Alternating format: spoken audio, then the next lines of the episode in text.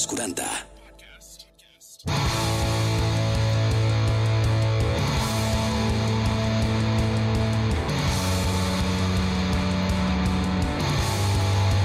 Energia sexual, amor i mora. Molt bones, família, benvinguts en un nou episodi d'Energia Sexual. La setmana passada vam obrir nova temporada, vam parlar del Tindercat amb el Gerard Carol, també vam parlar amb la Marta Galobardes, que vam estrenar la secció, i avui tenim una nova temàtica que ens parlarà, i avui també estrenem una nova secció, i és que cada setmana anirem desvetllant més cosetes sobre aquesta nova temporada que, com us vaig dir, es centrarà sobretot amb les seccions i les col·laboradores i col·laboradors.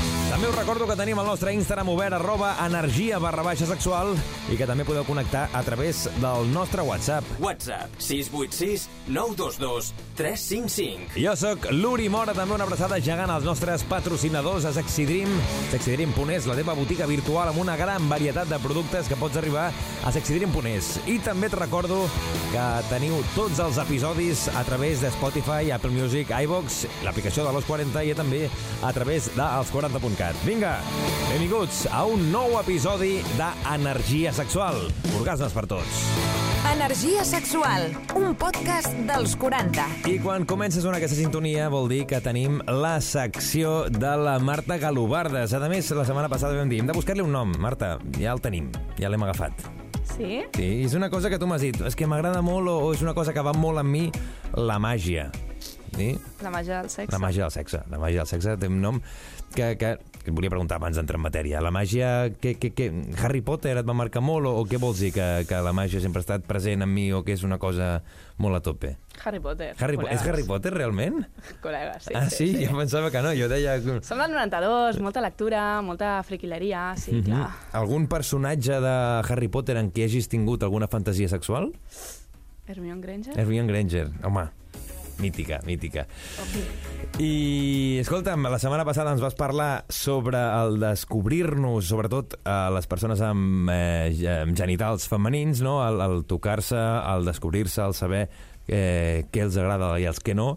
I avui ens portes un altre tema. De fet, cada setmana ens portaràs un tema diferent. Avui de què parlem?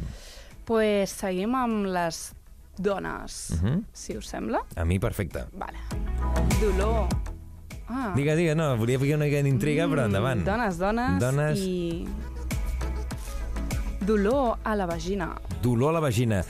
Clar, és una cosa que jo aquí puc intervenir poc, per no dir pràcticament res. Una mica el que em puguin explicar, el que pugui haver notat, però clar, jo no ho he notat en primera mà, per tant, és una cosa que jo aquí et puc donar poc la meva opinió, no? Però és una cosa que suposo que també us passa a moltes persones que, que teniu això, genitals femenins, i que teniu aquest dolor que a vegades és més comú o més recurrent, o que a vegades és més eh, del dia a dia i a vegades no tant, no? Una mica?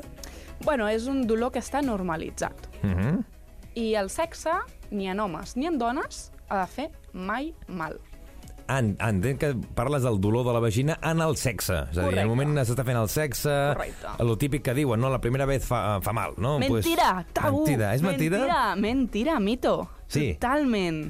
Clar, doncs això hem d'entrar-hi, no? Perquè sí que és, hi ha el tabú aquest, no? O, o, o la, la llegenda que la primera vegada els homes no, però que a les dones els fa mal. O sigui, el primer Mentida. dia fa mal i a més allò es trenca l'himen, es sagna i això és mentida. Mentida, però és que... Què us penseu que és l'himen? L'himen és retràctil, se'n va cap a les parets al costat de la vagina i no es trenca mai. Es replega sobre si mateix. És una membrana que és fineta.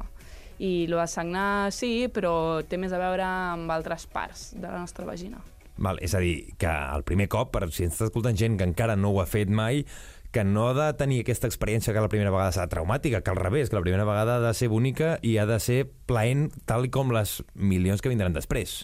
Correcte, sempre que estiguis relaxat, relaxada, que t'ho passis bé, que et posis catxondo i catxon de tope, que no t'estiguis en pos o que quedis un dia especial per fer-ho. No, al final el sexe és passar-ho bé amb el teu cos, amb la teva parella sexual, no? Clar, jo crec que el, el dolor ve més per la part que estàs tensa, no? que estàs allà arreplegada no? i allò acaba fent que no hi hagi tanta mm, facilitat doncs perquè entri eh, el penis o qualsevol cosa, no? Llavors això fa que creïs aquest dolor que en principi no hauria d'estar si no està relaxada i és el, i el que tu reivindiques ara, eh? i repetim una altra vegada, que ja ho hem dit tres vegades o quatre, que no ha de fer mal la primera vegada, ni la primera ni, ni, Ni la cap. última. Exacte. Ninguna, Sempre mai. ha de fer... De...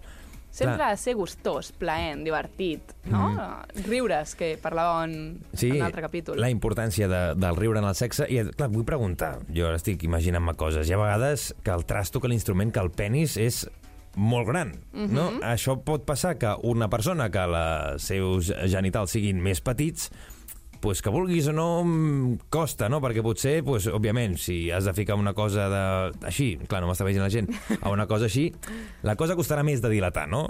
Hi ha vegades que és incompatible el sexe per aquestes qüestions físiques? No, tot depèn de lo catxondo catxondo que estiguis. I de lo que lubriquis, no? Correcte, pensa que la vagina es dilata, um, no sempre té les mateixes mides, hi ha unes mides estàndard, diguéssim, però sobre això, en el moment en què tu t'excites, la teva vagina creix i s'adapta. Penseu que si en una vagina pot sortir el cap d'un nen o una nena, allà no hi ha cosa que, Ah, que no hi entri, mateix, que, que, que tingui una persona, òbviament. Si surt un bebè, entra un penis. entrat, ha entrat tot. Hi havia una, un refrán, no sé, o una frase feta que no sé com és, que és el de con paciencia y saliva El elefante se la metió a la hormiga. Exactament, és una mica això que cal dir que, que al final és estimular la zona i, i que tot acaba entrant. Vull dir, tot acaba entrant, òbviament, tot el que tinguem de físic. Vull dir, si vols ficar un cubell en allà potser serà complicat. Però tot Potser el, que sigui, tot el que sigui que tinguem, tenim eh, els penis, no hi ha cap pen impossible que entri en una vagina. No, ni joguina. El que passa que sí que és veritat que hi ha dones que, per exemple, hi tenen contractures. A la vagina. Perquè és una musculatura, sí, és tota la musculatura del sol pelvià, Mhm. i pot ser que per motius X, i no entraré perquè n'hi ha molts, Mhm. tinguis dolor, o tinguis una contractura, o no t'hagis mirat mai i et faci por tocar-te, no? I el teu cos, el que entén com qualsevol cosa externa que no ha conegut mai, ho identifica com a dolor. Exacte. Llavors, això sí que és veritat que amb saliva, amb paciència, amb lubricant, Mhm. amb lubricant per jugar, eh? Que lubricació n'hem de tenir nosaltres. Vale. Però hi ha dones, persones amb vagina, que, Mhm. que poder necessiten més coses com una visita a un fisio. I també hi ha, hi ha eh, instruments que el que fan és, per exemple una vagina és menys elàstica o menys flexible, que ja ajuden a que la cosa es vagi dilatant més a poc a poc.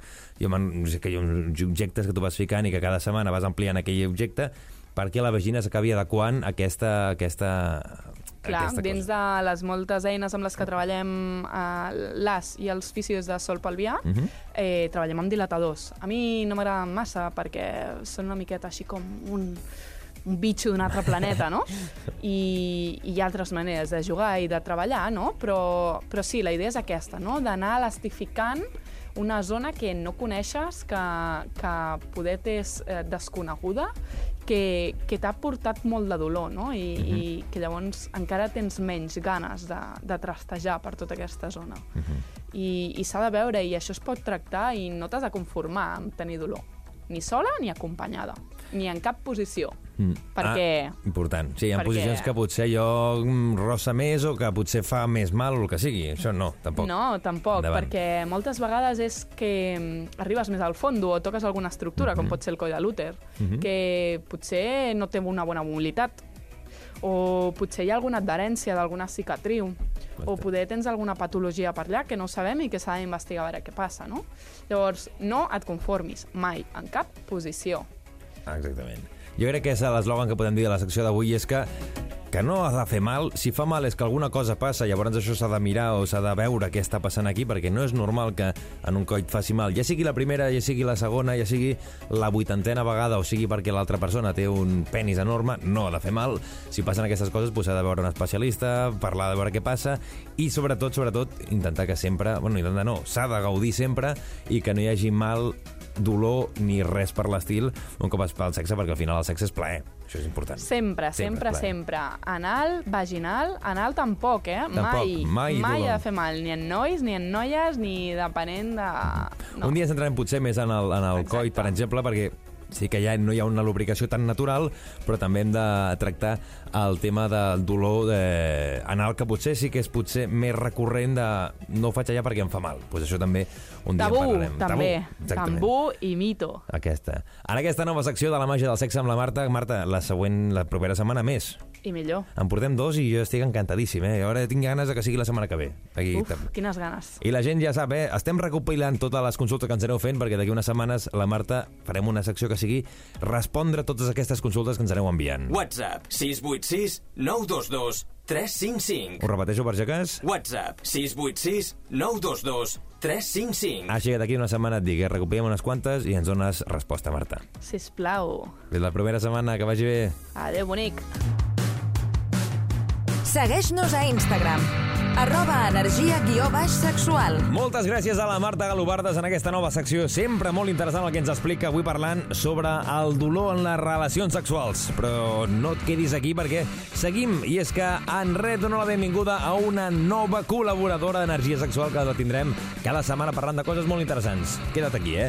Però abans, deixeu-me recordar que et pots teclejar Sexy Dream al teu ordinador i pots deixar volar la teva imaginació. sexydream.es, la teva botiga virtual on pots escollir amb total comoditat i amb discretament i a més a més ho rebràs on vulguis amb tota una gran varietat de productes per gaudir plenament de la teva sexualitat. Ben fàcil, eh? sexydream.es. Entres?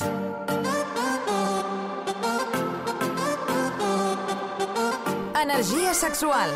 Ens trobaràs a Spotify, Apple Music o iVox. I us vaig prometre que en aquesta nova temporada hi haurien col·laboracions, hi haurien noves seccions i hi haurien nous convidats que ens acompanyaran cada setmana. I amb això doncs, tenim una nova secció que estrenem avui amb la Xènia Roset. Com estàs? Què tal, Uri? Doncs amb moltes ganes de començar. Home, jo tenia ganes també de que vinguessis i, i que ens expliquessis una mica de què anirà cada setmana aquesta secció, per què t'has volgut embarcar en aquesta aventura d'energia sexual i, i no sé, per, per, com, com t'has animat a arribar fins aquí? Doncs és molt senzill. El sense embuts o sex talks, o com vulguis anomenar Hem aquesta de decidir secció... una mica, eh? Decidir. Jo deixaria una mica l'audiència, no? Que Preguntem, triï. preguntem a a veure què els sembla. Però al final és perquè hem viscut una pandèmia, no? No hem sortit de casa, hem tingut molt temps de descobrir-nos, d'explorar, de passar-nos-ho bé també. Qui no ha estat en parella potser ho ha tingut més difícil, però sempre sabem doncs, que tenim alternatives, que hi ha joguines, que hi ha cosetes doncs, molt divertides per gaudir Clar, del sexe. El que li va tocar el 14 de març del 2020 sense parella va passar una època almenys mm, Una complicadeta. mica complicada, però no difícil i no, No. impossible, eh? Cadascú ha tingut les seves eh, cosetes doncs, per sortir del pas. Mhm. I al final, doncs, eh, m'agradava fer aquesta secció perquè poguéssim parlar una miqueta de tot i per tothom. Jo no sóc psicòloga, Mhm. eh, tampoc sóc sexòloga, eh, no sóc una professional del sector, sí que sóc periodista i m'agrada molt comunicar. I sóc la típica persona que tota la vida, amb 4 anys, ja parlava de sexe.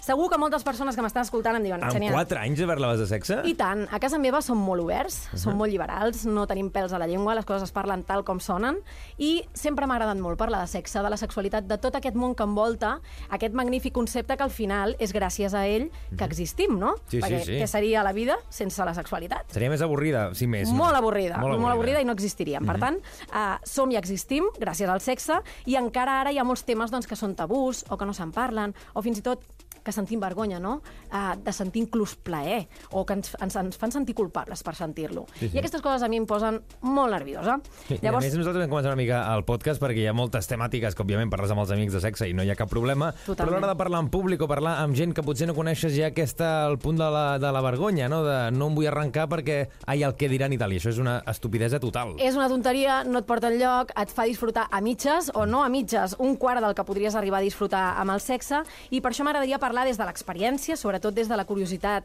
que sempre doncs, m'ha creat la sexualitat. Vull deixar clar que ho faré des d'una vessant molt personal, molt subjectiva, i per tant això vol dir que de vegades segurament no estarem d'acord, no estarem lo cert, no pensaré el mateix que penses tu o que pensen els oients sobre un I això tema. també és bonic, no? Perquè el sexe, Sí. cada persona que tingui les seves cosetes que li agraden més o l'altra, i no perquè una persona m'expliqui que li agrada més això, m'ha de passar a mi, sinó això parlarem de forma personal, el que a mi m'agrada o em deixa d'agradar, el que jo opinió tinc d'un determinat tema, i tu, Xeni, igual, sense Correcte. Aquí està la gràcia, jo crec, eh? que de, de diversitat i molts colors. Veure-ho tot des de diferents perspectives i que us faci pensar, que us faci descobrir, enfadar, parlar-ne inclús obertament amb els companys, amb la parella, amb la gent que treballa doncs, doncs amb tu, amb les teves amigues, no? Només és una visió més dins d'aquest món d'energia sexual i espero estar a l'alçada. Home, segur que sí, segur que sí. Els teus amics i amigues ja et coneixen, perquè, com dius, des dels 4 anys que estàs parlant de sexe... Sí, segurament soc a les- l'amiga que no té vergonyes, Sí. que sempre treu temes raros, sempre treu coses estranyes, l'amiga típica que em diu què deies allò anal? Uh, com parlaves d'aquella joguina? On t'he d'anar a buscar això que dius? A l'escola les professors i sigut- les professores sí. anaven de corcoll de, ostres, aquesta nena... No, em tal". portava molt bé, eh? Sí, perquè vale, després a vale. l'hora de la veritat tu em veus i soc una persona sèria i molt formal, i la gent que em coneix diu ai, doncs quina nena més maca. Vull dir que no, eh? res fora de lo normal, però sí que és veritat que no em fa gens de vergonya i que m'encanta, que em passaria, em tiraria hores i hores i hores i hores parlant de temes de sexe. Doncs aquesta nova secció que estrenem avui, que decidirem al llarg de la setmana si és sex talks o si és sense embuts, però avui de què comencem a parlar, Xènia? Doncs de posar boles al nou any. I aquí... Posar boles al nou any. és doble sentit. El primer, posar-hi collons, que és. Exacte. el que hem de fer. Vale? I el segon és els desitjos i propòsits sexuals que us poseu per aquest 2022, no? Jo m'estic imaginant un, un arbre de Nadal amb les boles de Nadal, no? que cadascú posi, posi un desig o una, Mm. un objectiu. No vas mal encaminat, però no desxifrarem encara el perquè d'aquest títol, que també, però comencem pel primer, si et sembla. Vinga, tu t'has posat algun propòsit per aquest 2022, sexualment jo, parlant? Jo sóc poc de propòsits. Jo sóc Home, perquè si al final és el punt aquest que dius m'he de proposar, no, jo vull que la cosa flueixi com hagi de fluir i que si ha de passar, passarà, però no, no que passi perquè m'ho he marcat com a objectiu. De vegades diuen que quan t'imagines una cosa o penses en una cosa, aquella cosa acaba passant. Acaba passant, però també pot generar aquesta frustració de si no passa, no? Ah, però hi ha molt temps. És que som molt joves. Fins al 2023, no? Tens aquest any. molta vida per endavant per provar coses i, I també per... dic una cosa, encara tinc al cap que és 2021. Jo sóc dels que Sí, encara a mi no has donat passa. el pas del 2022 i que molts cops quan estic a la ràdio pues, estem aquí en el 2020 i em passa aquest punt. Tens tota la raó, jo estic en el mateix punt. Però bueno, començant pel primer desig, Mhm. vale? fer-ho més. Això és un desig Important. que segur que els oients que ara ens estan escoltant diran hosti, quina raó que té aquesta noia, tu. Posar consciència, intenció amb el desig. Aquest era fàcil, que aquest no ho era fem. una Aquest és cosa bàsica. senzillíssim. A més a més, eh, si a més a més ho fem vivint intensament tot allò que fem, al llit també, no? Mhm. Sí, Perquè sí. no hem de ser conscients d'allò que fem.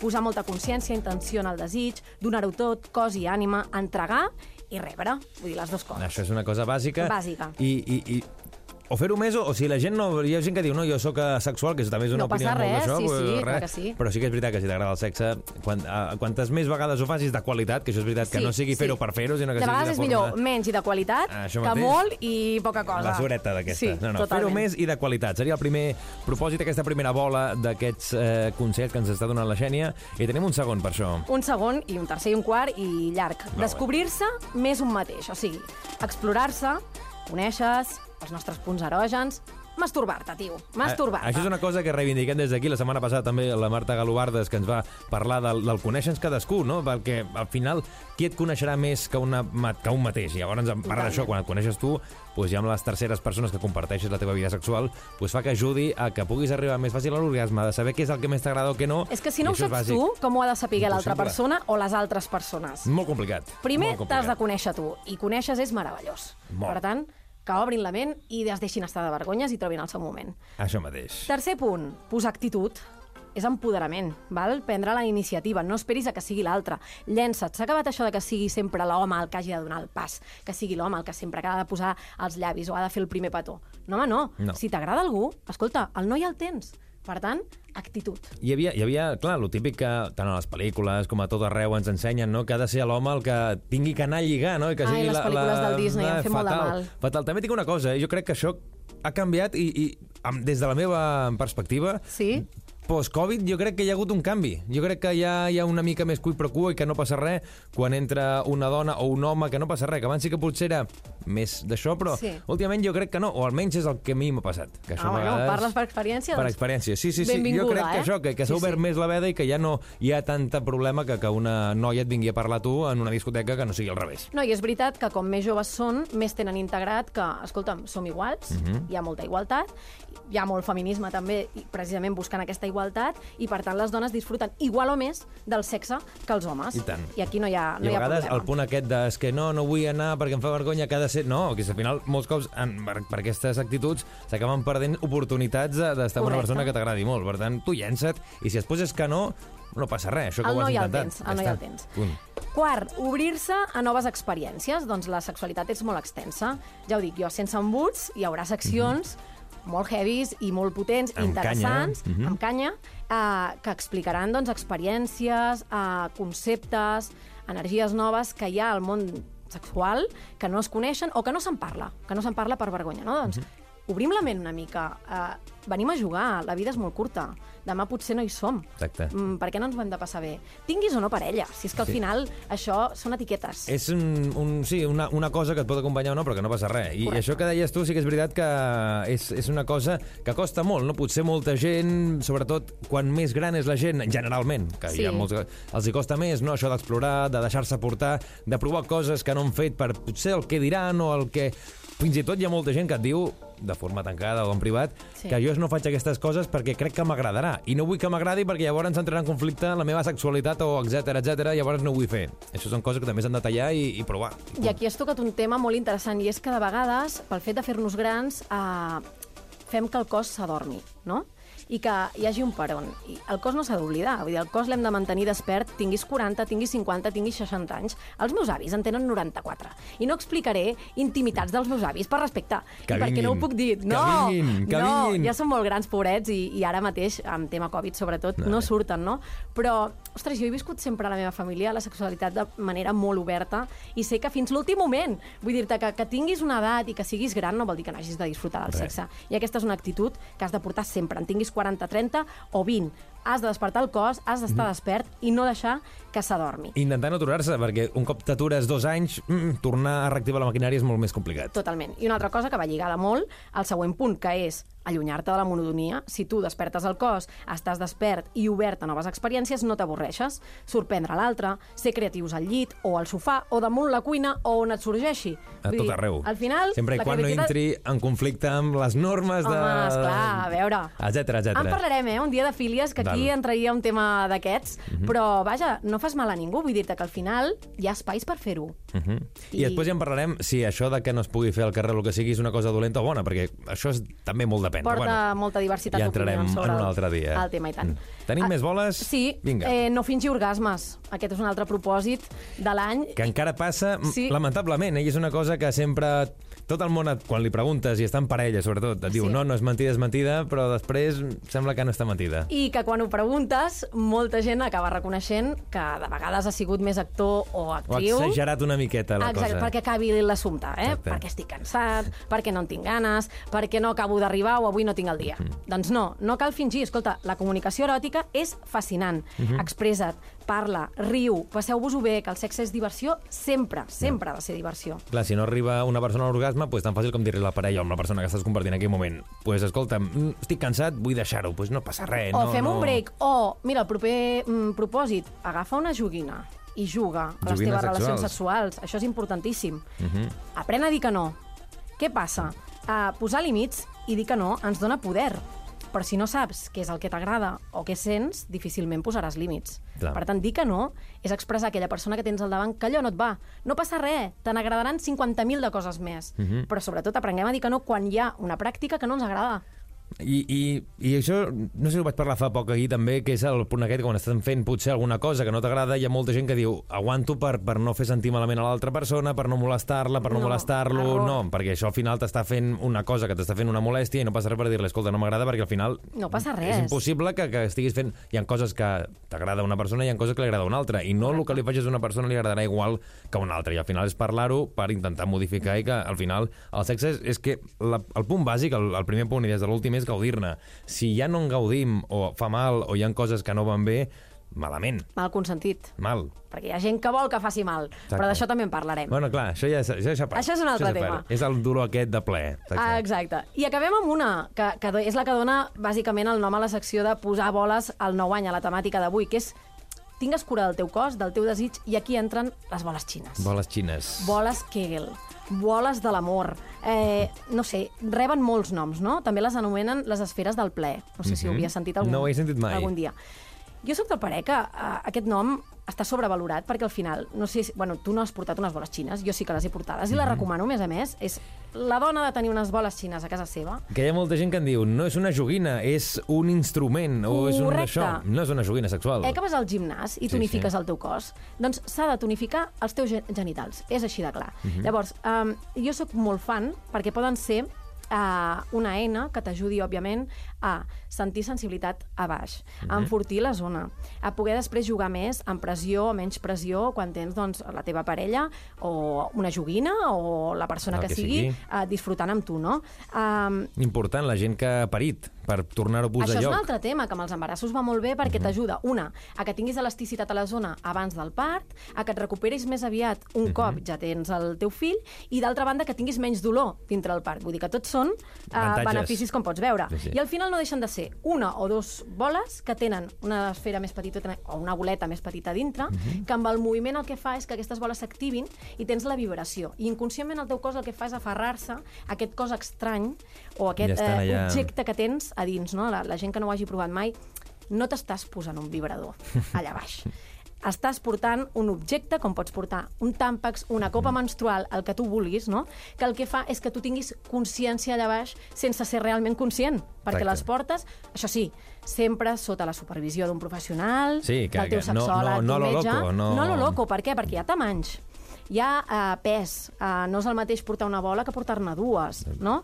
Mitja hora màxim al dia. Jo, per exemple, un cop a la setmana, però hi ha dones que se les posen cada dia. Clar, i no, no és això de que tu fiquis i te'n vas a treballar, no. És a dir, s'ha de saber Podries, com es posa. i el que passa és que no pots mantenir-ho tot el dia allà baix. Màxim, jo, jo el que recomano, un sexòleg potser es fica les mans al cap, però màxim mitja hora al dia. Vale? Llavors, clar, et desbloquegen, et fan prendre consciència del teu cos, activen la lubricació, que és molt, molt important, et preparen, et donen més sensibilitat, més intensitat, però no esperis que amb aquestes boles vagis orgasmant per totes les cantonades, perquè és el que et dic, eh? Plaer no en sentiràs, a no ser que tinguis molta sensibilitat allà baix Mhm. i, i et faci gràcia doncs, dur una cosa que, que, que es mou una mica no? i que et crea aquesta vibració, però sí que us dono eh, un consell, no? I és que al final t'actives sense esforç.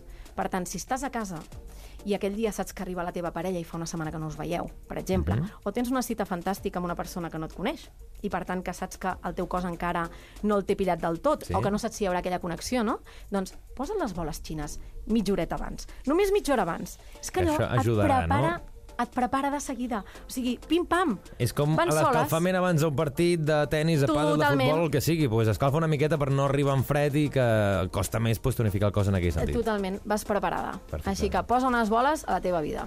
Els bo les El nou boles, any. el nou any eh, i qualsevol any, el 2022-2023, aquests objectius que ens ha donat la Xènia, no he comptat, però hi ha hagut uns quants, a dir, que la gent que hagi... Home, uns nou, eh? N'hem Nou, repassat. Sí, sí, nou La deu gent amb paper i boli ja té aquí a les 9 d'això. I també deixem que preguntem a la gent que ens digui quins són els propòsits sexuals que tenen en aquest 2022. WhatsApp 686 922 355. Ens ho feu arribar, eh? Recordo, el WhatsApp. WhatsApp 686 922 355.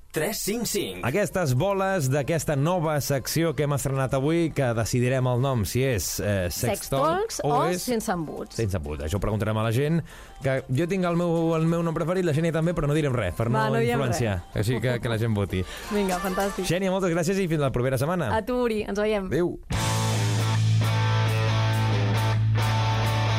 Energia sexual. Amor i Mora. Família, ha sigut un plaer tornar-vos a tenir aquí amb nosaltres Energia Sexual en aquesta nova temporada on les seccions són el més important. Avui parlant de la Marta Galobarda sobre dolor en les relacions sexuals i també estrenant la secció de la Xènia que ens parlarà cada setmana doncs, de consells, de coses a tenir en compte i avui hem parlat de boles pel nou any, una mica els desitjos i els propòsits d'aquest 2022 que fa una mica més d'un mes que hem començat. Jo sóc l'Uri Mora, la setmana que ve més d'energia sexual, més col·laboradors i col·laboradores que us esballarem i per qualsevol cosa estem connectats a través d'arroba energia barra baixa sexual, al nostre Instagram i també, òbviament, a través del nostre WhatsApp. WhatsApp 686 922 355. A reveure, família, sóc l'Uri Mora i que tingueu molts orgasmes i molt plaer en aquesta setmana. Adéu-siau. Energia sexual. Subscriu't al nostre podcast i descobreix més programes i contingut exclusiu accedint als 40podcast a los40.com i als 40.cat i a l'app dels 40.